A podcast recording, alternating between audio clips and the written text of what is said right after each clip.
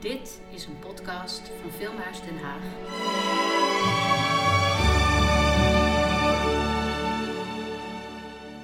Dit is een podcast over de geschiedenis van de filmmuziek. Mijn naam is John de Jong en ik spreek met Kees Hogenberg, een van de curatoren van de tentoonstelling The Sound of Cinema, die te zien is in Filmhuis Den Haag.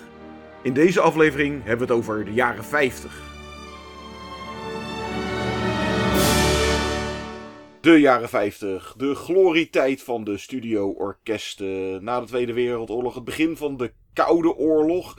En er was behoefte aan vertier. En het leverde de gouden tijd van Hollywood op met het studiosysteem waarbij ze personeel in vaste dienst had. Kees, hoe zat dat met componisten? Waren die ook vast in dienst bij een desbetreffende studio? Ja, componisten ook. Het studiosysteem was zo gehaaid, zo geniaal, dat het eigenlijk al die dingen die jij nu noemt uh, samenvatte. er was behoefte aan uh, ontspanning vanwege de politieke druk. En tegelijkertijd werden die studio's opgericht. En dat werden monsterstudio's, enorme bedrijven met hun eigen terreinen. Maar dus ook met hele orkesten. Die hadden een staand orkest bij. Dus die hadden gewoon uh, zeg maar 50 tot 100 muzici in vaste dienst die ook op een, op een soundstage werkten. De ene soundstage was beroemder dan de andere. Wij zouden dat nu een, uh, het podium van het concertgebouw, zou je kunnen zeggen, waar dat orkest zit, kunnen noemen. En uh, dat werden complete hallen tegelijkertijd op die studioterreinen, die in feite, een studio, dat weten mensen ook niet altijd, is in feite een heel groot terrein met allemaal hallen erop. Dat is de studio hè, in zijn totaliteit. Nou, in een van die hallen, met alle bijgebouwen, was muziek. En daar werden dus arrangeurs aangehouden. En componisten die altijd alleen maar die films maakten. En die alleen maar voor die studio werkten. En die dus ook een muziekafdeling hadden, waarvan één man, een groot componist, uh, leider was. Het hoofd van, van dienst, zeg maar. En die bepaalde ook vaak welke componist voor welke soort film werd ingezet. Dus Warner Brothers was beroemd om zijn misdaadfilms bijvoorbeeld. En daar hoorde grimmige muziek bij. Dus die wist precies dat hij uit het arsenaal Europese componisten kon putten. Hè? Die mannen die allemaal in de jaren 30 waren geëmigreerd naar Los Angeles. En MGM bijvoorbeeld was beroemd om zijn, om zijn uh, uh, grote musicals en om kostuumfilms. Hoe groter de sets moesten zijn, hoe meer kostuums erin pasten, hoe mooi kleur er werd toegevoegd. Elke studio richtte zich in feite, niet helemaal totaal natuurlijk, maar op een bepaald, uh, op een bepaald specialisme. En als je dus grote musicals had, dan had je uh, MGM, dan moest je daar zijn. En uh, zo hadden andere studio's hun eigen, hun eigen uh, specialisten. Ja, hoe zit dat met de, de muziek van de musicals? Want, was er dan nog wel sprake van originele score? Of was het eigenlijk vooral bewerkte muziek van reeds bestaande Broadway musicals of zo? Ja, dat kan allebei. Dat mm. klopt. Maar daarom moesten die componisten dus ook van alle markten thuis zijn. Neem nou een voorbeeld als An American in Paris. Die komt uit 1951. is genoemd naar het ballet van, uh, of nee, eigenlijk is het orkestwerk van George Gershwin, dat An American in Paris heet. Mm. En dat heeft hij in 1928 gemaakt. Toen al. En hij wilde gewoon een serieus concertwerk maken. George Gershwin is de man van Rhapsody in Blue. Is ook de Amerikaan die uh, de Amerikaanse muziek en dus ook de Amerikaanse wortels, zowel de, de grootsheid als ook de jazz wilde incorporeren in zijn muziek. En die maakte in 1928 uh, An American in Paris als een soort concertwerk. Waarin hij bijvoorbeeld allemaal klaksons en toeters uh, introduceert in de muziek om de drukte van de stad Parijs weer te geven. In een stuk van een 15 à 20 minuten. Dus wat doet MGM? Die zoeken, die zoeken een grote musical. Die hadden al musicals gemaakt, maar het werd allemaal steeds kolossaler. En die gaan dus van dat liedje uit, uh, van dat stuk, sorry, van dat ballet An American in Paris. En uh, komen bij um, Ira Gershwin. Ira Gershwin is de broer van George Gershwin, die altijd de teksten schrijft. En zegt, ben je geïnteresseerd om dat stuk te verkopen? Want wij willen dat hele ballet verwerken in een film. Ja, zegt Ira Gershwin, wat voor film? Nou, dat verhaaltje bedenken we er wel omheen. Een Amerikaan in Parijs. Een Amerikaan in Parijs en we zien verder wel. Nou, zegt Ira, ik zal met George praten. En George en Ira zeggen, we willen het wel doen. Dat wil zeggen, we willen het verkopen. Hè? Daar komt het op neer. Dat is geloof ik 160.000 dollar kost het stuk. Maar dan moet alle andere muziek van uh, Gershwin ook, alle andere muziek in de film moet van Gershwin zijn. Dus we willen niet een samenraapsel, een zootje bij elkaar. Dus dan mogen jullie ook allerlei andere songs van hem gebruiken. Zowel in, en nou kom ik op je, op je vraag, in de achtergrondscore. Mm. Dus een arrangeur van de studio bewerkt dan liedjes van uh, Gershwin als een soort uh, achtergrondje. Hè, als de score in feite, de underscore zoals ze het noemen. Als ook de liedjes die bijvoorbeeld gezongen worden. Of waarin mensen ineens uh, in uitbarsten. En, uh, of, of die op een radiootje hoort enzovoort. Mm. Dus die, die arrangeurs die konden zowel muziek arrangeren van bestaande songs uit het hele repertoire dat er was. Dat werd gewoon aangekocht.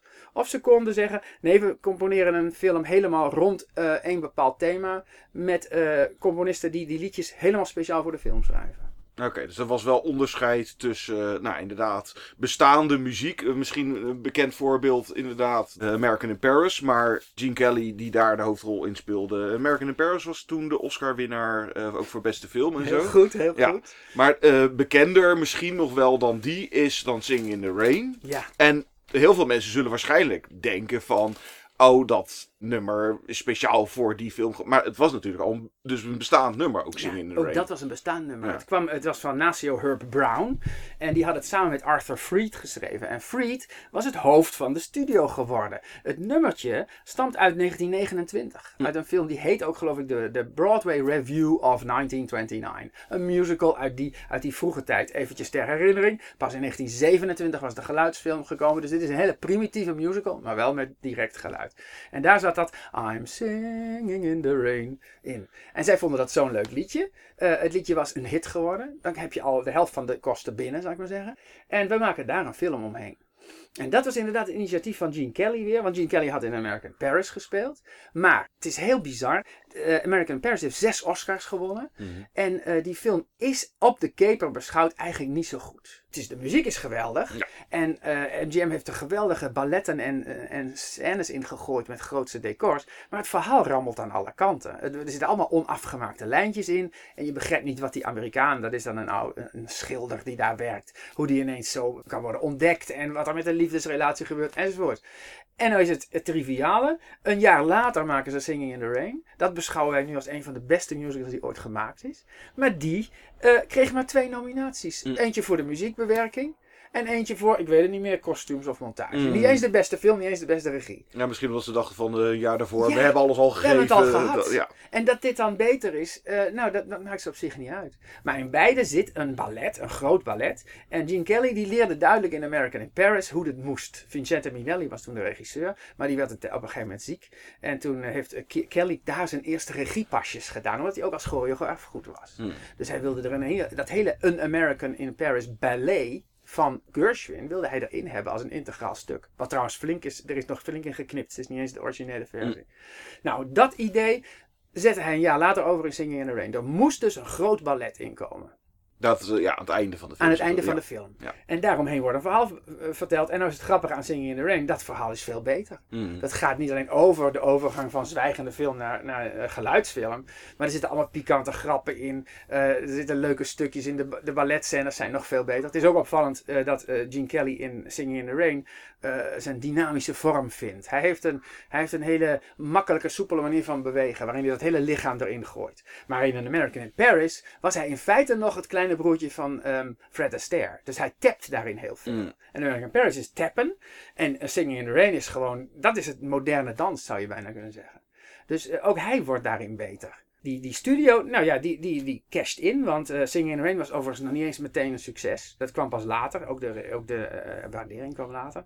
Maar daar zie je dat eh, MGM in dit geval eh, musicals maakt omdat, de omdat de mensen verstrooiing willen. Die, Mm. die, willen echt naar, die willen eventjes hun hoofd helemaal weg hebben. Helemaal klaar. En was MGM eh, dan de enige studio die die grote musicals maakte? Of andere, soms, nou misschien een enkel uitstapje. Maar iedere studio was in die tijd een beetje, had zijn eigen soort films. Omdat ze ook dus hun eigen eh, mensen in dienst hadden. Ja. En eh, bepaalde acteurs Ja. of regisseurs. En hoe zat dat met eh, componist Alfred Newman? Want die nou, maakte onder meer die fanfare van 20th Century Fox. Mhm. Maar die werkte ook bij MGM met de Nee, musicals nee. en zo? Dat Newman deed echt alleen maar Fox. Mm. Hij was het hoofd van de afdeling. Maar Mm. die man, dat is ook wel een uitzondering, denk ik, op alle. die steekt overal bovenuit. En Alfred Newman, die kon ook alles. Dus hij was heel goed in het leiden van de hoofd van de muziekafdeling. Hij had eh, vier broers. Emil Newman en Lionel Newman zijn ook in de muziek gegaan. En wat kinderen die in de muziek... Nou, precies, eh, daar wou ik naartoe. Ja. Want zijn enige broer die niet in de muziek is gegaan, is wel de vader van Randy Newman, Hm. de grote songwriter. Terwijl de zoons van Alfred Newman, ehm, David en eh, Thomas, die zijn nu filmcomponisten. En die maken ook musicals en maken ook serieuze dramatische muziek. Zoals The Shawshank Redemption is van Thomas Newman. Ja, een uh, daarvan die heeft uh, heel veel nominaties, maar nog nooit een Oscar. En papa die had volgens mij, de componist was uh, met de meeste Oscars. Ja, die heeft een stuk of dertig nominaties. En die heeft negen Oscars gewonnen, meen ik, plus of min. Soms vergeet ik er ook een, want dan heeft hij voor een liedje ook nog een nominatie gekregen. Al voor het bewerken van een musical. Hij heeft bijvoorbeeld South Pacific bewerkt. Mm. Dus dat is de musical van Richard Rodgers en Oscar Hammerstein, de tweede. Maar um, Newman maakt die hele Broadway musical, zet die over naar film. En dat betekent dus dat je als hoofd van de afdeling eventjes tijd neemt, niet eventjes hoor, voor het werk aan één specifieke film. Zijn broer uh, Lionel die doet dan veel dirigeerwerk en Emil die, doet dan, die neemt dan het hoofd, die neemt dan de coördinatie over. Dus het werkt als een soort familiefabriek. En uh, die maakt dan South Pacific eventjes klaar voor film. Hm. Wat een fantastische prestatie is. Want uh, je hebt een complete Broadway musical. Die niet alleen uh, moet worden ingekort. Of er moeten liedjes uit. Of er moeten nieuwe liedjes bij in. Maar het moet ook ineens aan het filmverhaal worden gekoppeld. Hè? En South Pacific speelt in de Grote Oceaan. Dus daar heb je veel live opnamen ter plekke natuurlijk. Op mooie eilanden. Het gaat om hm. allerlei mariniers die zich daar helemaal erg vervelen. En hopen dat er meisjes op ze afkomen. En een mooie love story komt er tussendoor. Dus je moet dat echt daar gefilmd hebben. Terwijl South Pacific op Broadway met decorstukken en changements, weet je wel, changements, die gordijnen open en dicht gaan en zo. Een heel ander verhaal vertellen. Dus zo krijg je dat die, die hoofden van die muziekafdelingen, uh, en in dit geval Newman voor Fox, ook kunnen bepalen hoe wat de vorm van een film wordt. Samen met de regie. Dus ze hebben, de muziek heeft uiteraard in een musical, hoor, maar ook in andere drama's, heeft de muziek een enorme rol. Omdat dat studiosysteem gewoon alle credits geeft aan die componisten. In die tijd krijgen de componisten zo'n beetje de ene na laatste credit op de titelrol. Vlak voor de producent en de regisseur. Dus dat geeft aan dat ook de regisseur en de producent zeggen, weet je, die, die credits, die main title, die werkt altijd op naar een uh, hoogtepunt. Hè? Helemaal op het einde van de titel, geregisseerd door die en die. Nou, die componist zit als, als, bijna als één na of twee na laatste. Ja, die werd een beetje ja, in het rijtje met nou, de scriptschrijver, ja. de producent, inderdaad de, componist. componist. Ja. ja. en dat is nu heel anders geworden. Maar de componist zat dus, kwam dus hoger te staan dan de, de scenario-schrijver, de cameraman en, de, en de, de editor bijvoorbeeld zit zelfs gewoon in een blokje met allerlei naampjes. Je moet er maar eens op letten. Ja, omdat de muziek in die tijd ja, een van de belangrijkste onderdelen ook van de film was. Ja, ja. en dat wordt ook als zodanig gewaardeerd. Kijk, je hebt uh, in die musical afdeling. We komen nog een keer terug op Gershwin. Want uh, in 1959 wordt Porgy and Bess uh, verfilmd. Dat is eigenlijk zijn, zijn opera. Mm -hmm. En ook dat is dus een hele moeilijke taak. Hoe zet je een theateropera? Hè? Porgy and Bess kun je eigenlijk niet eens een musical noemen, want ook de dialogen worden gezongen, zoals het in een opera is. De film ook volledig ja, gezongen? Ja, de film ook. Okay. Ja. En die wordt dus overgezet naar film. Dat heeft André Previn gedaan. André Previn, die we later kennen van zijn dirigentschap van het London Symphony Orchestra bijvoorbeeld. Mm. Andre Previn, die een goede vriend was van John Williams. En zo kwam John Williams bij het uh, London Symphony Orchestra. Nou ja, dat voor Star Wars, dat krijgen we allemaal later nog wel een keer. Maar Porgy and Bess moet ook een, moet een film worden. Hm. En die, die musical is al uit 1928 geloof ik. Dus het is in 1959, er zit een flinke stap tussen. En dan krijg je dat uh, de grote Samuel Goldwyn van MGM, van Goldwyn, Mayer en uh, Metro, die komt vooraf, mm. um, zo'n musical op, op gaat zetten. Ja. En uh, daar zie je dus ook weer wat de rol van de, van de arrangeur, van de man die het dirigeert. Die, die het oorspronkelijke stuk, het oorspronkelijke muziekstuk aanpast. Wat hij wat die kan hebben voor zo'n film. Ja, qua escapisme, die tijd, eh, naast de musical, ook echt de opkomst van, nou, vooral de grote spektakelfilms, de epossen. Deels ook doordat er in die tijd net, ja, de tv, de tv werd populair en daardoor pakten de studio's echt flink uit met, nou ja, wij maken wat tv niet kan bieden. En dat uh, hoorde je dan ook terug in, ja, dat leverde weer andere, nou, laten we even zeggen, spectaculaire scores op. Ja, dat kun je wel zeggen, ja. Ja, je zou kunnen zeggen dat het woord score, en het wordt ook wel eens underscore genoemd, dat dat onder de dialogen zit en onder het drama. Hè? Maar in feite is dat natuurlijk onzin. Ook, ook het, uh, het adagium van sommige mensen die zeggen, uh, veel muziek is pas goed als je hem niet hoort. Dat is natuurlijk ook onzin. Mm. Ten eerste horen we het onbewust toch. Ten tweede, een componist draagt bij aan een film en uh, dat mag best gehoord worden. Dat willen ze ook. En dat wordt ook gewaardeerd. Nou, die, laten we zeggen, je kunt voor het hele het grote gemak zeggen dat escapisme, dat eventjes er helemaal uit zijn uit die politieke druk. Hè. Vergeet niet nogmaals dat uh, de Koude Oorlog direct na de Tweede Wereldoorlog de mensen in Amerika toch wel flink bang maakt. Dat dan uh, een tweede reden komt, en dat is die televisie. Die komt in 1951 ongeveer bij de mensen thuis. En uh, trekt de mensen weg van de bioscoop. Ze blijven gewoon thuis zitten. Niet dat ze daar dan speelfilms op vertoonden hoor, dat moet je niet bedenken. Nee, dat is gewoon even Uh, maar er, zijn, er worden tv-shows gemaakt en er komen de eerste series en kinderseries en tekenfilmpjes. Dat komt allemaal op tv. Mensen blijven thuis. Nou, dan gaan in het begin van de jaren 50 de studio's heel hard nadenken over mogelijkheden om de film iets nog veel specialers te maken. En in feite hebben we hetzelfde een jaar of 10, 20 geleden gezien met uh, de komst van 3D bij ons. Hè? En met, uh, met bioscoopzalen waar je wind en water over je hoofd krijgt. Want ook daar moesten ze mensen van de, van de uh, Netflix af hebben. Mm. En, uh, dus, dus die truc is niet nieuw. In de jaren 50 hadden ze dat ook bedacht. En uh, ze gaan dus met veel camera's werken. En dan moeten hele bioscopen worden omgebouwd bijvoorbeeld. Tot werkelijk zalen met een half rond scherm. Cinemascoop en Cinerama worden uitgevonden echt. Hoe, hoe film je dat? En hoe moet het geprojecteerd worden? Dus Cinerama is zo'n systeem waarbij alles zo kolossaal is dat ook de muziek kolossaal mag zijn. En daar heb je dus het duidelijk, uh, hier mag de muziek op de voorgrond treden. Er zijn maar weinig Cinerama-films gemaakt. Je herkent dat aan dat uh, kartonnetje dat in een soort zigzag boven de titel staat. Met Cinerama erop. Hè? Want ze willen eruit gaan dat het een harmonica uittrekt. Zo Ja. groot wordt het allemaal. Enorm breed beeld. Zeven eh, kanalen ja. stereo en Ja. zo. Die meeste Cinerama-films zijn in feite documentaires. Het zijn een soort travelogues, noemen we dat. Een soort eh, roadmovies, zeg maar. Je, je zit als kijker in de stoel en de hele wereld trekt aan je voorbij. En dan gaat het om ballonvaarten en om eh, zee, eh, zeilschepen over de zee en zo. Around the World in 80 Days. Ja, dat eh, idee. ja. ja. Nou, en dan heb je, heb je bijvoorbeeld South Seas Adventures. Adventure, dat is dan één zo'n film die eh, toevallig wel een verhaaltje bevat over een jong getrouwd stel die in de Pacific eh, van, nou ik geloof ze beginnen op Hawaii en dan maken ze een hele mooie tocht eh, langs Tonga en langs Vanuatu en ze komen uiteindelijk uit in Nieuw-Zeeland.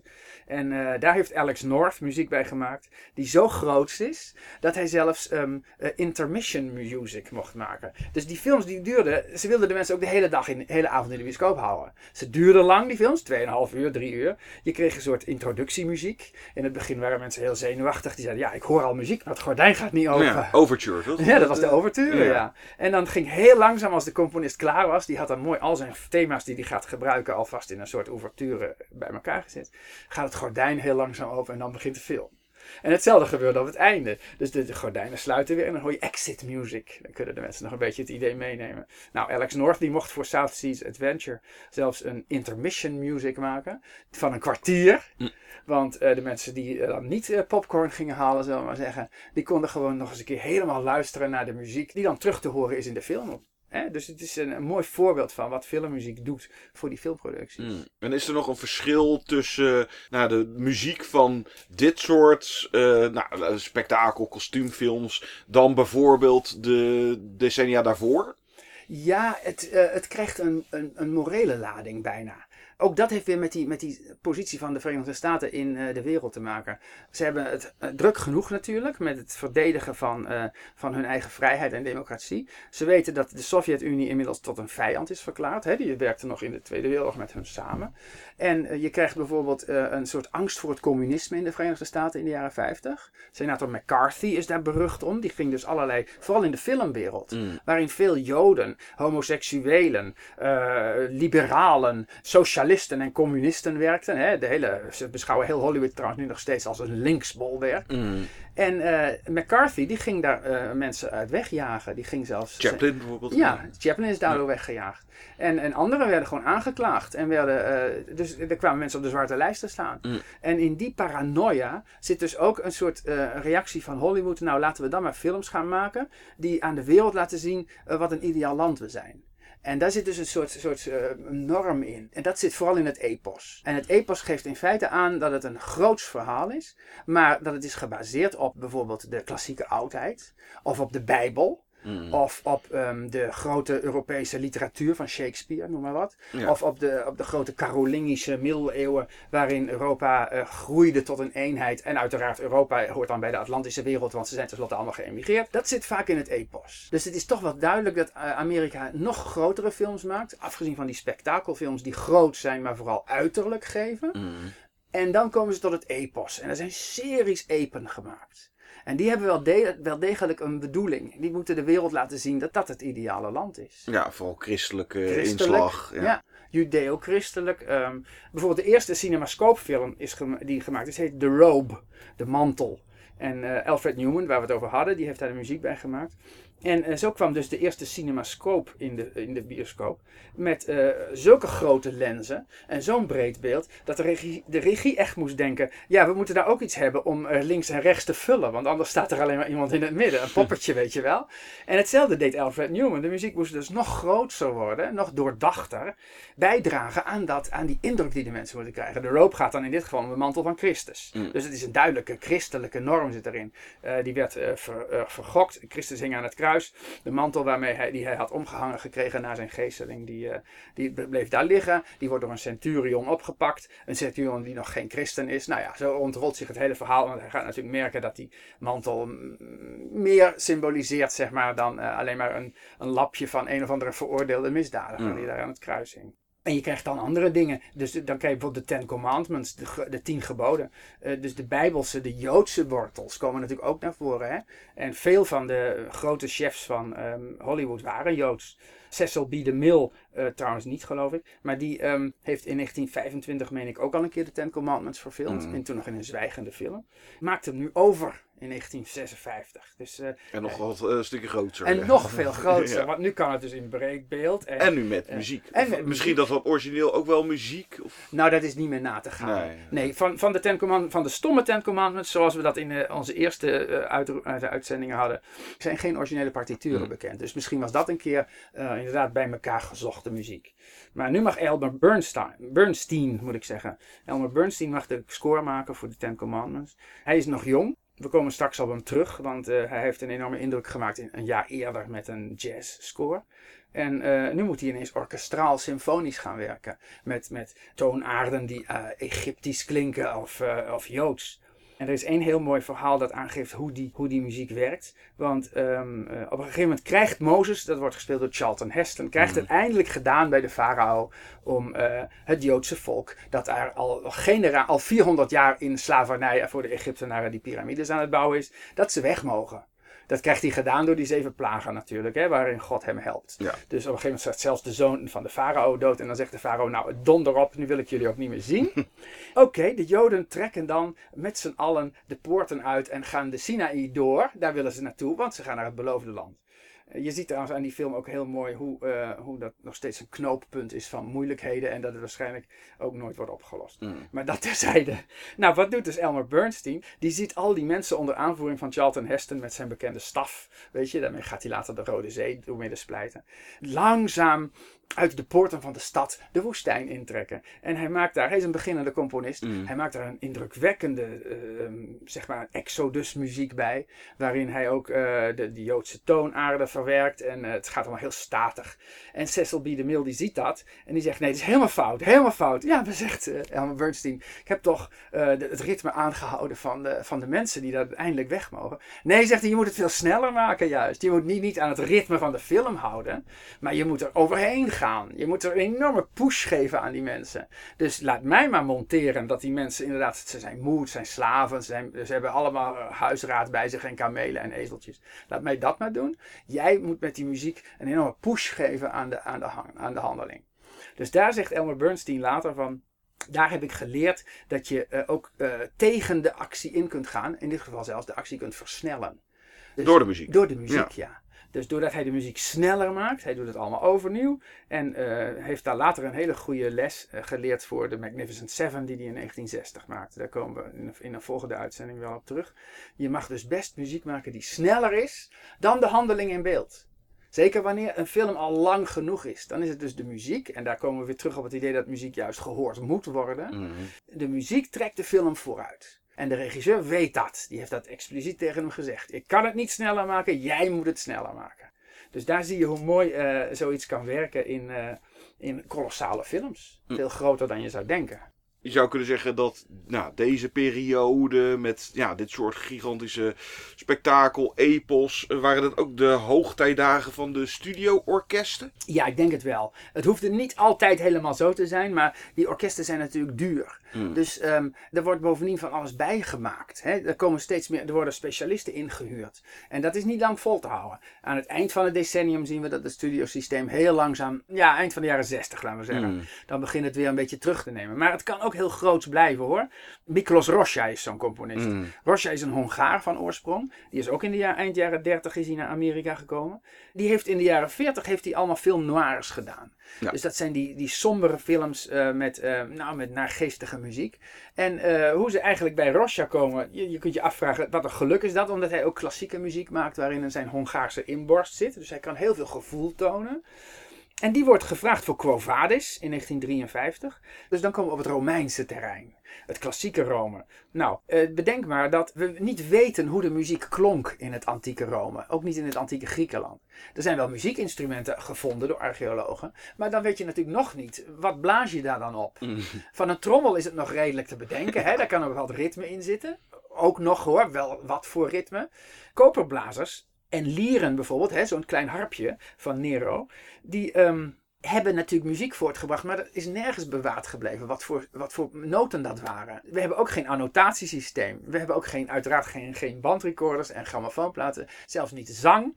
Dus wat heeft Rosja gedaan? Die heeft jaren gespendeerd aan het zoeken naar ehm, nieuwe instrumenten om eh, de klassieken te, te imiteren. En hij heeft geprobeerd door allerlei archiefwerk te zoeken naar, eh, overal waar maar sprake is van muziek, te bestuderen hoe het klonk. En zo maakt hij een soort reconstructie van wat mogelijkerwijs eh, klassieke muziek kan zijn geweest. Mm. Klassiek nu met de, de bijnaam antieke dus. Hè? Ja, echt uit de nou, Uit de Romeinse tijd. En hij doet dat eerst in Quo Vadis. Daarna krijgt hij de opdracht om Julius Caesar. Julius Caesar van Shakespeare wordt helemaal in film overgezet. En eh, uiteindelijk komt hij bij Ben-Hur terecht in 1959. Daar heeft hij zoveel muziek voor moeten maken. Het is niet alleen een hele lange film, maar ook een, een gecompliceerd drama. Dat hij dus al zijn kennis in ten eerste die film noir met zware zielenroerselen en mensen in grote problemen kan combineren met zijn antieke klassieke muziek uit Quo Vadis en Julius Caesar. Want er wordt heel veel gemarcheerd in Rome. En dat is wel een feit, dat weten we. Dus hij heeft heel veel marsen mogen, mogen componeren. Je kunt je voorstellen, er zijn ook beelden, eh, afbeeldingen bekend van die lange trompetten. Pausanen heette dat bijvoorbeeld en bazuinen, waar de Romeinen op bliezen. Eh, je denkt misschien aan een alpenhoorn, maar daar kan ook een soort melodie uit voortkomen. Nou, die, die reconstrueert hij allemaal. En in Ben Hur is het, ik, vind ik, dat is het hoogtepunt. Mm. Hij weet niet alleen die, die em- emoties van de personen, weet hij in de muziek te verwerken, maar ook het uiterlijke vertoon van de Romeinen. En dan komt het bij elkaar in de, de grote parade van de wagenrennen. Dat is ook al geniaal van Rosja. Hij hoeft eh, de wagenrennen zelf hè, in het circus van Jeruzalem. Het, eh, noem het maar het Circus Maximus, maar dan niet het Circus Max- Maximus van Rome. Maar elke grote stad in het Romeinse Rijk had ook een eigen circus. Een circus is niet die tent met vlaggetjes en clowns. Hè. Een circus is het, die langwerpige arena waarbij de eh wagenmenners om een obelisk aan de ene kant rijden. Dan maken ze de bocht en dan rijden ze het andere stuk terug. En dan gaan ze weer over een andere obelisk het rondje enzovoort. Nou, paardenraces. Paardenraces, ja. En het was levensgevaarlijk. Het, was, het stond ook bekend als, als levensgevaarlijk. Je moest het heel goed kunnen. Het wagentje was heel wankel. En eh, dus zegt Rosja, samen met William Wyler, de regisseur, tijdens die race hoeft er geen muziek te klinken. Het is veel spannender om de mensen te wijzen op eh, eh, de ongelukken en op de spanning wanneer je het publiek laat juichen, bijvoorbeeld. En overigens is het onzin dat iemand dan een horloge om heeft. Hè? Dat is zo'n broodje aap wat over Ben Hur Mm. wordt verteld. Ik heb nog nooit ergens een bewijs daarvan gezien. Maar eh, het geluid is dus belangrijk genoeg, die, dat snerpende zand. Bovendien gaat Massala, de, vriend van Ben Hur, de ex-vriend zou je zeggen, die heeft een Griekse wagen. Dat betekent dat hij ijzers aan zijn assen heeft, waarmee hij de andere spaken van de tegenstanders kan laten eh, kapot gaan. Ook dat maakt een lekker geluid. Dus er hoort toch ook kampioensmuziek bij. Dan maakt Rosja daarvoor een mars. Dat heet de parade van de wagenmenners, de Parade of the Charioteers. En die doet hij vooraf aan de wedstrijd. Mm. En eh, wanneer dus de, de, alle, alle wagenmenners uit alle delen van het eh, Romeinse Rijk worden gepresenteerd aan het volk, maken ze één ere rondje. Wij, wij doen ere rondjes nadat je de voetbalwedstrijd hebt gewonnen. Maar hier moet je dat vooraf doen, want de helft van de kandidaten leeft niet meer. Hè? dus eh, dat ere rondje wordt heel statig uitgespeeld. Nou, en daar, daar maakt hij een, een mars voor die zo geniaal is. Dat je, als je pas heel lang luistert, ontdekt dat de, de toonaard het Romeinse blazerskoor is. Mhm. En de inhoud zijn in feite de twee thema's die hij al eerder heeft eh, gecomponeerd. Voor zowel de vriendschap tussen Massala en Ben Hur. Ben- Jo- Juda Ben-Hur is een Joodse prins en Messala is een Romeinse centurion. Nou, dat waren toch jeugdvrienden. En eh, het thema van Ben-Hur zelf. Met zijn angst en zijn, zijn pijn. En er gebeurt van alles in de film. Dus die twee worden vermengd. En die krijgen een ander ritme. Maar de noten zijn deels hetzelfde. En dan transponeert hij die naar die mars.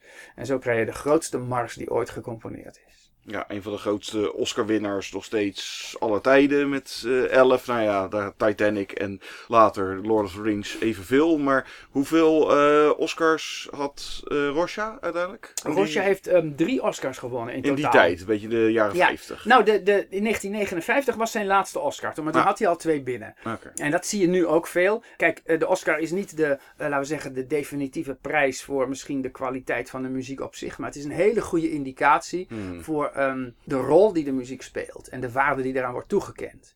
Dat zie je nu ook heel veel. John Williams heeft vijf Oscars gewonnen inmiddels. En die wordt nog, nog bijna elk jaar genomineerd. Maar dan hoeft hij er ook niet nog een keer één. Weet je, dat staat al lang buiten kijf. Hmm. Dat was bij Rosja ook zo. Oké. Die had eh, voor Spellbound al gewonnen. En voor Double Life, dat is een theaterverfilming. De een is een thriller en de ander is meer film noir. En dan krijgt hij dus nog voor zijn kolossale werk ook nog eens een keer voor Ben Hur de, de Oscar. Maar ja, dat kon in dit geval ook niet missen hoor. Tussen die elf. eh, Ja, die, won alles. die- won beetje, alles. Een beetje, ja. Ja, het was een totaalproductie waar Mm. later zelfs verhaaltjes van zijn gemaakt. Dat wordt het in een, op een 10-inch plaat dan wordt het verhaaltje naverteld. Ja. En dan krijg je dus een soort le- voorleesboek met eh, voorstellingen met geluiden uit de film. Maar je had in die tijd ook, eh, nou ja, nieuwe tussen aanhalingstekens eh, genres. Eh, het bestond uiteraard daarvoor al wel, maar sci-fi en monsterfilms. En zorgde dat dan ook voor nieuwe, andere muziek? Kijk, één ding is wel zo. Er waren science fiction films gemaakt, zoals je al zegt. Maar als het een echt genre wordt, zitten we letterlijk in die, in die ruimte. Waar, waar in 1953 de Russen ineens de Sputnik de hemel inschoten. En Amerika deed in zijn broek van angst. Want de Russen waren voor. Hmm. En een paar jaar later stuurden ze dat hondje Laika de ruimte in. En daar waren Amerikanen ook nog lang niet aan toe.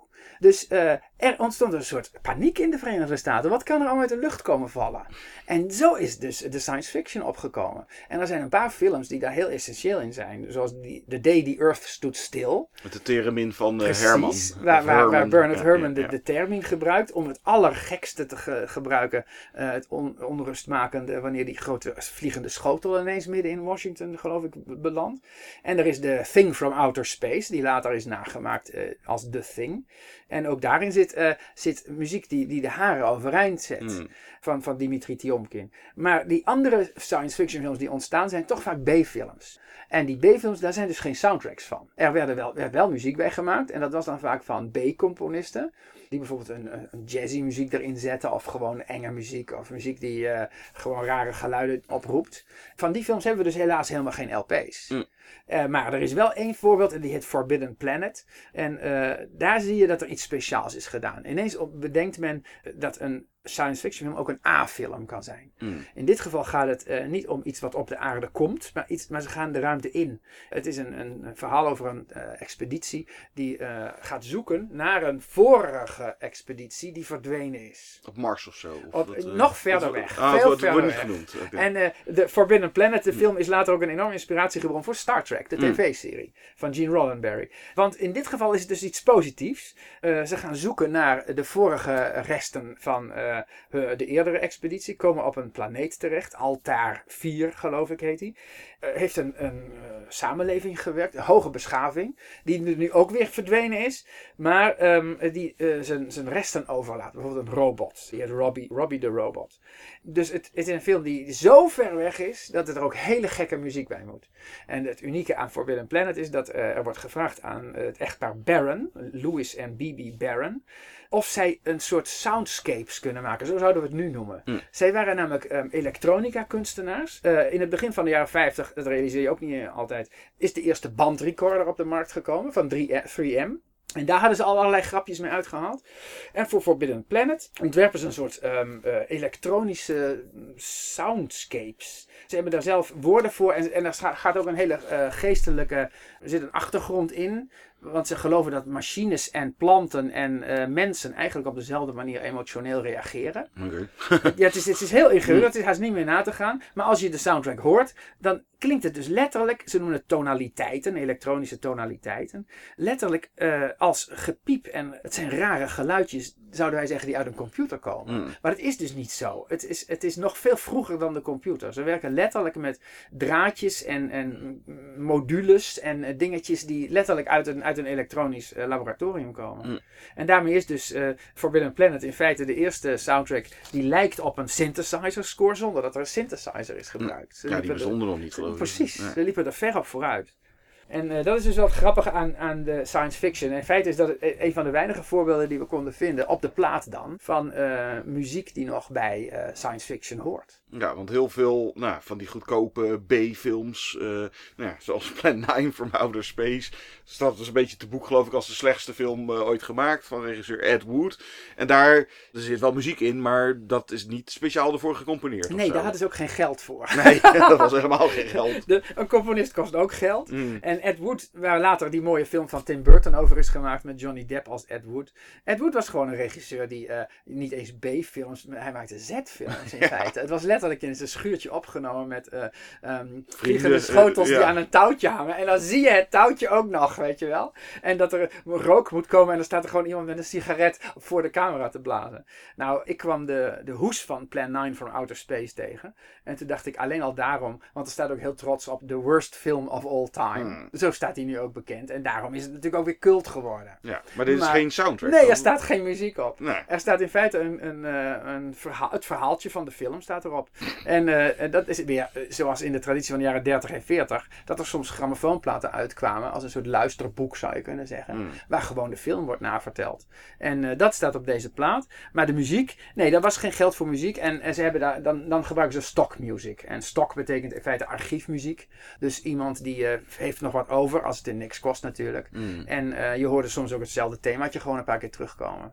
Dus dan plakken ze dat onder de beelden waar het maar nodig is. En dat lijkt wel het meeste op ehm, bijvoorbeeld The War of the Worlds uit de jaren 50. Of Nee, eh, films ook. over de grote tarantula en de grote spider, dit en dat en zo. Al die monsterfilms eh, en die, en die aanvallen van buitenaf. Ja, de, de angst, blob, weet je wel. ja, de angst, angst. voor de onbekende, De paranoia. Ja, daar hoort dus hele, hele felle, eh, rare, ongrijpbare muziek bij. Hmm. Altijd orkestraal, hè, dat wel. Dus vandaar ook dat eh, die, die score van B.B. Barron en Louis Barron heel uniek is. Ja. Maar in Plan Line 9 from Outer Space zit gewoon eh, ja, archiefmuziek. En niet eens zoveel.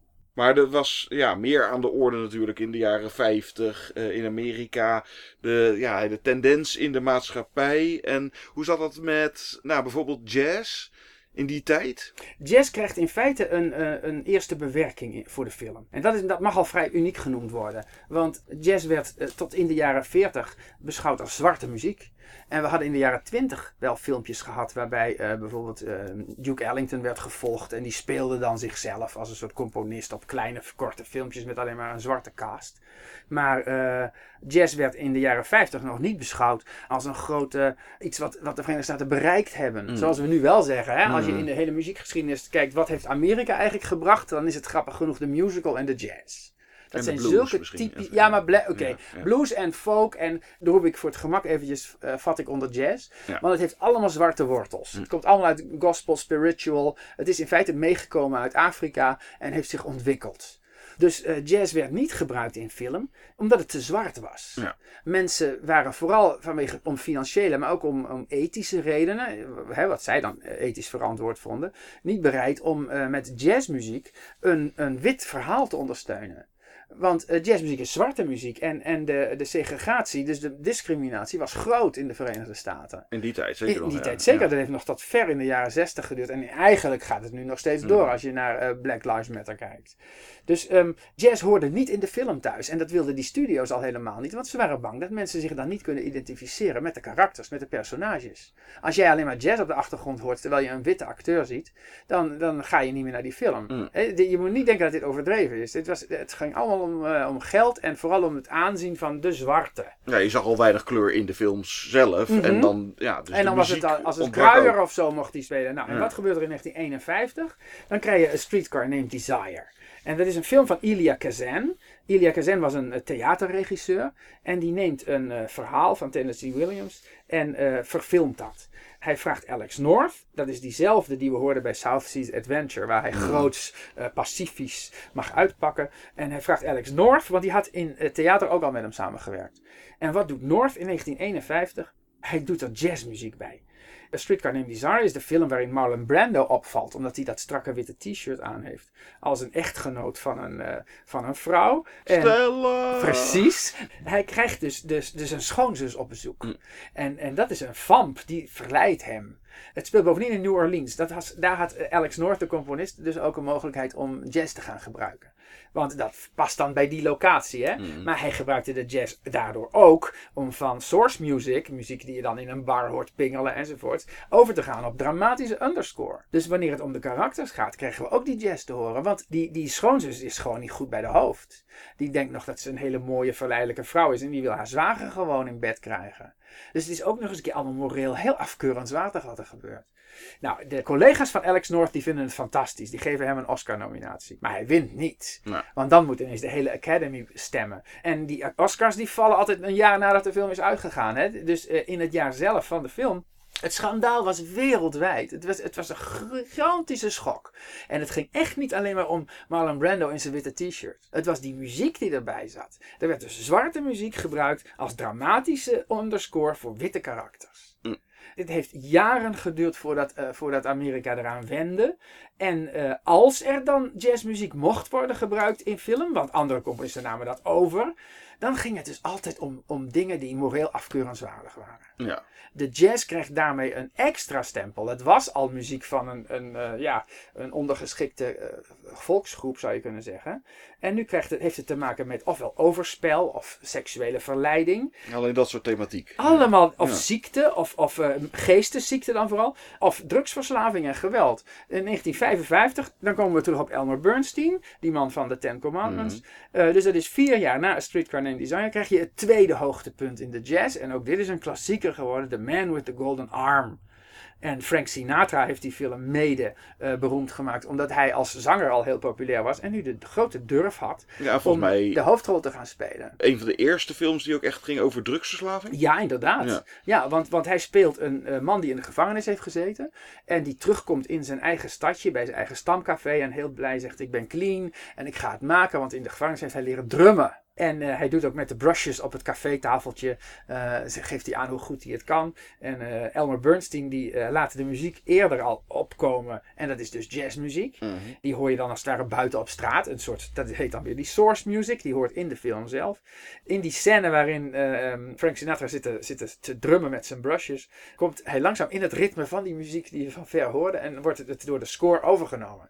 Dus Bernstein die, die verweeft heel mooi de achtergrondmuziek en de muziek in de film die je daar zelf speelt of hoort. En eh, dat is ook weer jazz. Het is zelfs nog krachtigere jazz dan A Streetcar Named Desire. Mhm. Nou, ja, deze, dit ja, ken ik wel. deze ja. wordt dus heel erg, eh, wordt heel erg populair. Ta da da da da ta ta da da da da da ta ta da da. Nou, zo, zo gaat het. het. Het is een heel pompend hoofdthema. En als je dan de film ziet, begrijp je het ineens. Want dat is het thema waarmee eh, Frankie, hij heet ook Frankie in de film, behoefte krijgt aan terugkeer in naar heroïne. Ja. Hij, hij loopt ook tegen allerlei verleidingen aan. Zijn dealer is daar nog in het stamcafé. Die biedt hem het eerste shot gratis aan, bijvoorbeeld. Mhm. En hoe sterker de muziek klinkt, datzelfde thema, hoe meer het op stoom komt, hoe meer je weet wat er in het hoofd van Frankie omgaat. Want de hele film lang probeert hij te vechten tegen, tegen het nemen van een shot. Hij wil clean blijven, maar het lukt gewoon niet. Ja. Nou, dan is het dus die muziek die in zijn hoofd, en dat is dan jazzmuziek, omdat hij van jazz houdt. The Man with the Golden Arm is dus niet alleen omdat hij een gouden arm vanwege drummen heeft, maar ook omdat hij daar die heroïne naald insteekt. Is die muziek het teken dat het gewoon misgaat. Ja. En op een gegeven moment wordt het thema zo schril en zo hard dat het je gewoon dwars door de ziel snijdt. Want je bent van die man gaan houden en, eh, en hij kan het niet. Hij kan geen weerstand bieden. En deze is heel bekend voorbeeld van, eh, nou, dat is het eind jaren 50. Ja, jazz, 59. score voor Anatomy of a Murder. Ja. En dan komen we Duke Ellington weer Ja. tegen. Hm. Die natuurlijk in de tussentijd, in de jaren twintig, had hij in die filmpjes gezeten. Mhm. Als een pianist die zijn eigen eh, eh, piano moet verkopen omdat hij zo arm is geworden bijvoorbeeld. En nu, in 1959, dus een jaar of dertig later, wordt hij gevraagd voor, ehm, eh, voor een score. En door Otto Preminger. Preminger is een van oorsprong Oostenrijkse regisseur. Die precies doet wat hij zelf wil. Mm. Dus die maakt ook een hele serie films. Waarbij hij eh, zijn eigen pad volgt. En het zijn allemaal in, hele intense drama's. En Anatomy of a Murder is een film die gaat over het, het falende rechtssysteem. Dus ook daar, toeval of niet, zit dan weer jazz bij. Het enige wat je nog kunt zeggen is, eh, er zit een rare eh, twist aan Anatomy of a Murder, aan de score van Duke Ellington. Die muziek wordt door jazzmuzici heel hoog geacht. Die wordt nagespeeld, de thema's zijn beroemd geworden, de soundtrack werd uitgebracht. Maar als je de film ziet, dan zie je dat eh, Duke Ellington toch in die 30 jaar tijd geen filmcomponist is geworden. Weet je waarom? Hij heeft de neiging om zijn eigen stukken af te maken als zelfstandige stukken muziek. Ja. En er zitten dus meer dan één scènes in de film waarbij je wordt afgeleid. Waarbij je naar het mooie muziekje gaat luisteren. Otto Preminger heeft dat, heeft dat in zoverre doorgehad. Dat ze hebben, hij heeft hem nooit meer teruggevraagd. Hmm. Eh, hij heeft dus liever, denk ik, een dienende componist. Maar dat kon Duke Ellington gewoon niet. Ja. En die wist natuurlijk ook pas toen hij de film zag. eh, wat het gevolg was van zijn composities. Dus ik vind de muziek heel goed. Maar In zelfs combinatie met de film is het, eh, weet je niet of het werkt. Je wordt eventjes uit, die fil- uit dat verhaal getrokken wanneer je oor afgeleid wordt doordat je een hele mooie solo hoort. En dan ook bijvoorbeeld de soli in, in de stukken van Duke Ellington zijn niet geïmproviseerde soli. Mm. Hè, zoals dat in, het, in een jam sessie gebruikelijk is. Nee, je hoort dat het precies op de juiste plek valt. Terwijl de muziek wel een grote rol speelt in de film hoor. Dus dat is heel goed gedaan. Maar dat is natuurlijk vooral Otto Preminger's werk, de regisseur. Nou, dat is, eh, nou ja, een bekend voorbeeld van inderdaad om goede muziek, goede film. Maar dat betekent niet dat het altijd automatisch ook goed samengaat. Ja, zo zou je het kunnen Ja. zeggen. Ja, daar is het inderdaad een voorbeeld van. Ja. Ja. maar je zag wel dat bijvoorbeeld jazz ook, nou ja, in eh, Frankrijk, van wat was dat, eind jaren 50, Eind jaren eh, 50. Ascenseur eh, pour les chevaux, Mhm. dat was Miles Davis. Dat was Miles Davis, ja. Ja. ja. wat krijg je? In Amerika hebben we dus de jazz die gebruikt wordt ehm, voor allerlei maatschappelijke problemen. Films met sterke, eh, dramatische, maar ook eh, maatschappijkritische eh, onderwerpen. Alleen daarvoor. Bovendien, de mensen die dat spelen, dat zijn ook nog vaak witte muzikanten. Hè? Hmm. Dus eh, de enige zwarte is dan Duke Ellington die dat mag doen. Die kreeg wel een Grammy Award voor zijn score. Dit, dit zegt veel over de situatie. Terwijl zijn muziek niet eens is genomineerd voor een Oscar. Dus zijn collega's in de Academy zagen wel dat de, de muziek als score niet werkt. Mm. Maar de mensen in de, Gra de Grammy is de muziekprijs. Hè, die gaven hem in één keer de Grammy. Niet eens een ah, ja, een nominatie. Nee, hij wint hem ook meteen. Dus als plaat was het heel goed. Nou, wat doen dan die, die zwarte muzikanten? Die voelen dat natuurlijk. Die worden in Amerika beschouwd als de makers van muziek die met problemen is, eh, is verbonden. En, en vinden niet, ehm, zeker niet in de grote Hollywood-industrie, wel op de plaat hè, en in clubs. En zolang ze, zo- zolang ze mooie radiomuziek maken, mag het allemaal Ja, waar ja. de blanken zich op kunnen vermaken. Ja. Maar eh, die voelen zich niet genoeg erkend. En dan is het grappige dat eh, juist Europa zich begint te ontwikkelen na die Tweede Wereldoorlog. Die zit midden in de wederopbouw. En ineens komt met, met jazzmuzikanten uit Amerika die met open armen worden ontvangen. Hm. Daar geldt jazz niet als een voorbeeld van eh, problemen, maar juist eh, de, de hoogste kunst die er is. Hè, en, en Frankrijk had natuurlijk, het is vooral in Frankrijk, die had natuurlijk zijn eigen circuit van. De filosofie komt op, van Jean-Paul Sartre bijvoorbeeld. En er wordt veel getheoretiseerd. Ehm, de universiteiten ontwikkelen zich. Eh, ze, ze zitten allemaal lekker rokend in die cafés Daar hoort te praten bij. over Ja. de wereld. En daar hoort jazz bij. Ja. Dus bij hun in Frankrijk en daarmee ook in Europa hoort jazz bij de intellect, intelligentia. Mm. En niet bij al die probleemgevallen zoals in Amerika. Ja, en dan is Miles Davis op, eh, op tour in Europa, omdat zijn muziek populair is. Dan krijgt hij van de Franse regisseur Louis Mal eh, de vraag of hij de muziek wil maken bij een film die hij net eh, klaar heeft. Hm. En dat wordt Ascenseur pour l'échafaud, de, de lift naar het schavot, zoals hij ook bij ons bekend is. Daar zie je dus dat jazzmuziek bij een film hoort. Ja, er zit wel een misdaad in die film natuurlijk. Ja, het is, het is, het is geen comedy. Nee, het is geen comedy. Maar, maar dat de muziek heel serieus wordt genomen en ook Mm. als zodanig gewaardeerd. Het wordt ook een mythe op zich. Hè, van Ascenseur pour l'échafaud wordt gezegd dat Miles Davis met zijn trompet en met zijn bandleden, een man of vier, vijf, de studio binnenkwamen. Louis Mal zette de film in de projector en ze gingen ter plekke spelen en dat was de score. Nou, dat is natuurlijk niet zo. Mm. Dat is al te mooi om waar te zijn. Dat kan zelfs eh, een muzikant als eh, Miles Davis niet. Dus die had wel degelijk de film al een keer eerder gezien. Die had notenschema's gemaakt. Die had de akkoorden uitgereikt aan zijn, aan zijn klanten. En daarna zijn ze inderdaad gaan spelen. Hmm. En daarvan is weer gemonteerd totdat het precies in de film past. Maar ja, die, die, die mooie solo's, solo trompet van Miles Davis, die geeft eh, zo mooi die eenzaamheid eh, aan. En bovendien natuurlijk dat claustrofobische. Hè? Want ascenseur pour les betekent dat ze, er is boven in het gebouw een moord gepleegd. En ze gaan in de lift gauw naar beneden en de lift blijft Ja. vastzitten. Ja. Dus je zal maar eh, letterlijk of heterdaad betrapt worden. Mm. En dat maakt die muziek prachtig. In dat, in dat kleine studiootje opgenomen. Je, je hoort het als het ware. Dat Ja. het helemaal om je heen zit.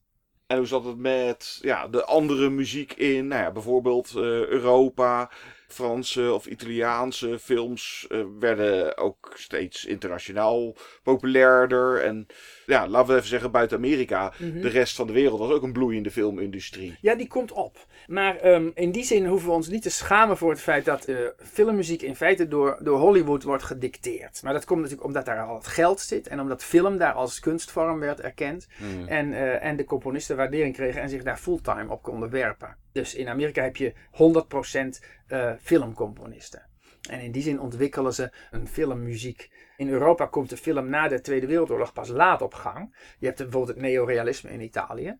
Maar dat is allemaal nog in zwart-wit en dat is goedkoop en het is op de straat gefilmd. Er zit amper muziek in. Ja, er zit wel muziek in. Wel maar dat is dan maar- bijvoorbeeld eh, eh, Renzo Rossellini maakte films voor, eh, voor Rossellini. Dus dat is dan de broer van de componist. Ja. En eh, dat is ook ondersteunende muziek in die eerste, in die jaren 40.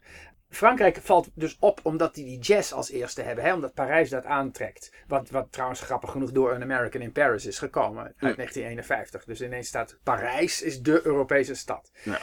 Italië komt met zijn neorealisme dat we nu als een fantastische nieuwe een stroming kunnen beschouwen. Hè, want het is heel rauw maar, en heel zwart-wit en heel dramatisch. Maar eh, dat komt omdat er gewoon geen geld was. Ze deden het meest logische. We willen wel filmen en we willen geen fascistische films maken. Hoe doen we het? Dus daar hoort ondersteunende muziek bij. En in feite eh, komt die muziek, nee laten we zeggen zelfs de film buiten Amerika zelf. Pas in The Picture in 1956. Dan pas komt er een Oscar voor de beste buitenlandse film. Dus het is helemaal niet altijd al geweest. Hmm. In 1956 gaat dan de eerste Oscar voor de buitenlandse film naar La Strada van Fellini. Dus eh, wat dat betreft heeft Fellini met recht een naam opgebouwd. Dus hij was meteen binnen. En La Strada gaat over een, eh, een eh, circusartiest die met die- de sterke man, Zampano, die met kettingen doormidden krakt en zo. Anthony Quinn speelt dat en ze hebben een rondreizende caravan, een soort Pipo de Clown. Hmm. En daar wordt muziek bij gemaakt door Nino Rota. En daar kom je dus voor het eerst met Nino Rota in aanraking. Die toevallig trouwens, die heeft al een paar eerdere films met Fellini gemaakt. Want ze kwamen elkaar gewoon tegen bij de bushalte bij Cinecittà. Fellini kwam Cinecittà uit, dat waren dus de, de studio's in Italië, in Rome. En ziet daar een klein mannetje bij de bushalte staan. Eh, de tramhalte was het zelfs. En dan zegt, nou ik ga maar even naar hem toe om te zeggen dat hier echt geen tram komt. Mm. En dat kleine mannetje dat zei, ja hoor, de tram komt om dan en dan. En Fellini denkt, nou die- goed, ik blijf even gezelschap houden, maar dit vind ik... Nou, en de tram kwam. En vanaf dat moment stappen ze samen in de tram. En zo heeft Nino Rota eh, Federico Fellini leren kennen. En hebben ze verder geloof ik nog 18 of 20 keer samengewerkt. Dus je krijgt eh, een mooi verhaal en eh, ook een soort samenwerking. Hieraan merk je hoe sterk het is als een componist eh, kan werken met dezelfde regisseur. Ja, gebeurde dat in die tijd ook al veel? Ja, nou ze zoeken er wel het naar. begon daar Daar begint het. Ja. Kijk, in de Verenigde Staten was dat al zo, maar in Europa is het dus een kwestie van geluk en toeval. In Italië krijg je dan pas de, de combinatie van een hele productie. Dus er wordt veel eh, aandacht besteed aan de muziek, omdat ze daar de, ze, ze weten wat daar de waarde van is. Hmm. Nou hoeft Rota eh, vooral voor Fellini bij de folklore te blijven. Het zijn gewone mensen. Al die films van Fellini gaan over qua jongens en over zijn eigen jeugd en hoe die opgroeide enzovoort. Dus daar, daar past Rota ook heel goed bij. Die kan, die kan dat circusachtige goed verwoorden. Ja, want je had dus, eh, nou ja, dus de bloeiende filmindustrie buiten Amerika vooral ook. En dat levert daar fantastische films als bijvoorbeeld Seven Samurai uit Japan, maar ook eh, Bergman in eh, Zweden en nou ja, noem ze allemaal eh, maar. En de, de, de Italiaanse cineasten. Maar dat zijn niet de films die bekend staan ook vanwege scores of zo. Ze hadden ze wel, maar het is, het is niet de, de, de filmmuziek die zozeer indruk maakt. Dat klopt, dat klopt. We moeten dat doen met een paar singeltjes die uitkomen. Italië en Frankrijk brengen, brengen singeltjes uit, maar het is gewoon te duur voor een hele LP. Dat is Mm. al de eerste normale reden.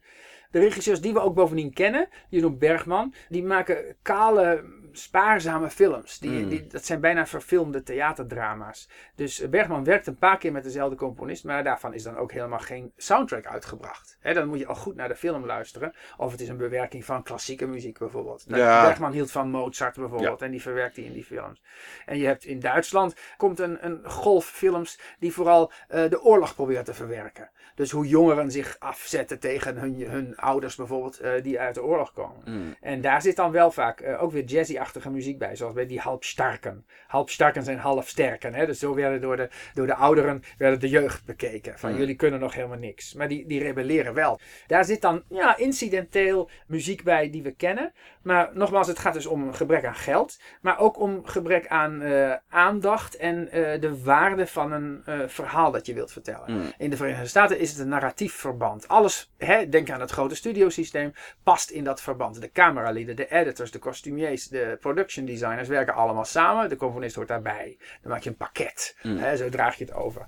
En in de rest van de wereld krijg je een eh, veel kalere, een veel zuiverder wou ik zeggen, maar dat is het natuurlijk niet. Een soberdere eh, film. Ja. Ten eerste hebben ze het geld er niet voor en de, en de equipment niet. En Nee, maar er zou zo'n score van eh nou, Ben Hur-achtig of iets, past daar ook weer niet bij. Nee, dat past er niet Nee. bij. En dan kom je dus, jij zei al net de Seven Samurai. Japan is de enige uitzondering. Die heeft altijd een hele grote filmindustrie gehad. En ehm, gaat daarin ook door. Seven Samurai is bovendien een prachtig voorbeeld. Want in de jaren 60 krijg je de Magnificent Seven. De- die is dan, dan is het ineens een western geworden. De Seven Samurai, dat zijn zeven werkloze samurai. Verstoten samurai in feite. Hè, ze hebben iets, eh, iets gedaan waardoor ze niet meer bij hun clan mogen komen. En die gaan een dorpje verdedigen dat door bandieten wordt afgeperst. En Fumio Hayasaka is zo'n zo'n componist die zoveel doet dat hij dus wel... Japan is denk ik het enige land naast de Verenigde Staten waar een componist kan leven van zijn filmwerk. Mm. En waar je dus kan zeggen, ik ben een professioneel filmcomponist. En toevallig zijn daar dan wel soundtracks van. Die weten dus ook hoe belangrijk die muziek was. En het klinkt ook heel mooi. De, de, de Westen, kijk, eh, Japanse films hoeven niet per se Japans klinkende muziek te hebben. Hè? Eh, Japan zat net als eh, Europa, was verdeeld in zones. Japan was fout geweest in de oorlog. En eh, kreeg dus een Amerikaanse bezettingsmacht. Die daar Ja. nog een jaar of twintig heeft gezeten. En dat had ook invloed op de muziek dan. Ja. Ja. zowel het Japanse volk zelfs, door allerlei vermengingen, door Mhm. huwelijken en zo. De Amerikaanse cultuur is daar binnengekomen. Eh, de hele wereld heeft nauwlettend toegezien op het handhaven van de democratie. Japan mag nog steeds geen eh, leger hebben bijvoorbeeld. Mm. Dus ook de muziek. Japanners zijn heel goed in het ehm, aanpassen aan een andere omstandigheid met behoud van hun eigen tradities. Want je Dus, kan niet ehm, zeggen dat er nou westerse muziek in de samurai films zit of zo. Nou, eh, Misschien je- wat dit zou je dus eigenlijk bijna wel Ja. kunnen zeggen, ja.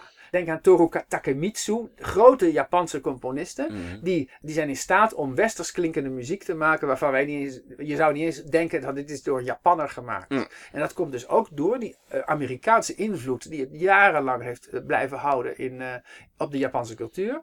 Waardoor het een soort vermenging is geworden. Dus eh, Japanse muziek klinkt heel erg mooi. Zij hebben hun, hun soort eh, monsterfilms uit de jaren 50 hè, met Godzilla. Oh ja. Gojira heet die in het Japans. Is ook eh, grote orkestrale symfonische muziek. Die wij direct herkennen. Ja. En die daardoor die films ook een succes maken voor de westerse markt. Soundtracks, dus op LP's, waren die dan ook populair? Of ja, dat soort muziek werd het ook op de radio gedraaid? Dat waren incidenten, ja. Ja. Maar die, maar die haal je er dan ook meteen tussenuit. Je kunt zeggen, het allergrootste voorbeeld van een score die niet uit de Verenigde Staten komt, maar wel wereldpopulair is, is Orfeu Negro. Eh, dat is die Braziliaanse film, weliswaar door een Fransman eh, geregisseerd. Mm. Maar die vertelt het verhaal van Orpheus, die eh, zijn geliefde verliest en naar haar op zoek gaat in de hel. Maar in dit geval, ehm, door Camus, wordt de film getransponeerd naar het Braziliaanse carnaval. Dus naar nu. En eh, de soundtrack van Orfeu Negro, van ehm, Carlos Jobim en eh, Luis Bonfa, die eh, is zo populair geworden. Dat zijn dus in feite alleen maar samba's. Want het hele carnaval wordt gevolgd. Ja. Die soundtrack komt in zoveel versies uit dat er enorm veel soorten hoezen zijn. En veel op singeltjes en op LP's. En het mooiste is nog wel, ehm, 1959 is dat, dat daarmee ook de samba en het hele Braziliaanse cultuurelement van het, eh, het vrolijk jezelf uiten en eh, al je gevoelens op straat gooien, dat dringt in de hele wereld door. Dus eh, er gaan ook muzikanten naar Brazilië. Jazzmuzikanten bijvoorbeeld gaan er naartoe. En Lalo Schifrin uit Argentinië. En Quincy Jones uit, uit, uit Hollywood. En zo komen al die muzici samen en brengen de, maken de Braziliaanse cultuur ineens heel belangrijk. En eh, reuze populair. Ja. Dus dat is misschien wel de best verkochte niet-Amerikaanse soundtrack ter wereld. Ja. Orfijn Negro. Je kunt hem nog steeds in de kringloopwinkel voor 50 cent halen. Ja, en de Amerikaanse, nou ja, veel muziek, scores, die zal je misschien inderdaad niet zo op de radio horen, maar dan wel de musical liedjes. Ja, dat is Ja. waar. Die blijven populair. Ja, en, ik denk de, de meeste soundtracks uit de jaren 50 zullen waarschijnlijk toch de musical soundtracks zijn. Sing in the Rain, eh, dat soort. Nou, ik zou er geen cijfers van weten. Mm. Maar eh, ze worden natuurlijk het meest eh, op de radio gedraaid en, en op kleine singeltjes verkocht. En ze zitten in jukeboxen die laat aan het eind van de jaren 50 verschijnen. Zullen dus het bekendst zijn bij de mensen, ja. En die films trokken ook heel veel publiek. Maar goed, ik, ik denk dat er ehm, ook meer waardering was voor instrumentale filmmuziek dan wij nu denken. Want eh, als ik bijvoorbeeld platen moet gaan bestellen uit de Verenigde Staten, dan zijn die originele exemplaren uit de jaren 50, eh, die zijn het duurst. Ja. Dus die waren er wel, maar dat zijn enorme verzamelaars-items geworden. Dit was een podcast van Filmhuis Den Haag voor de tentoonstelling The Sound of Cinema. De intromuziek is afkomstig uit de film Lawrence of Arabia, gecomponeerd door Maurice Jarre. Wil je meer weten over filmmuziek? Luister dan ook naar de andere afleveringen van deze podcastreeks. Via filmhuisdenhaag.nl of in je podcast-apps. Je bent natuurlijk ook van harte welkom in Filmhuis Den Haag om daar een film of de tentoonstelling The Sound of Cinema te bekijken. Deze podcast is gemaakt door mijzelf, John de Jong, verantwoordelijk voor interview en montage. Aan deze podcast werkten mee Kees Hogenberg, Leder de Jong, Josien Buis en Geke Roelink.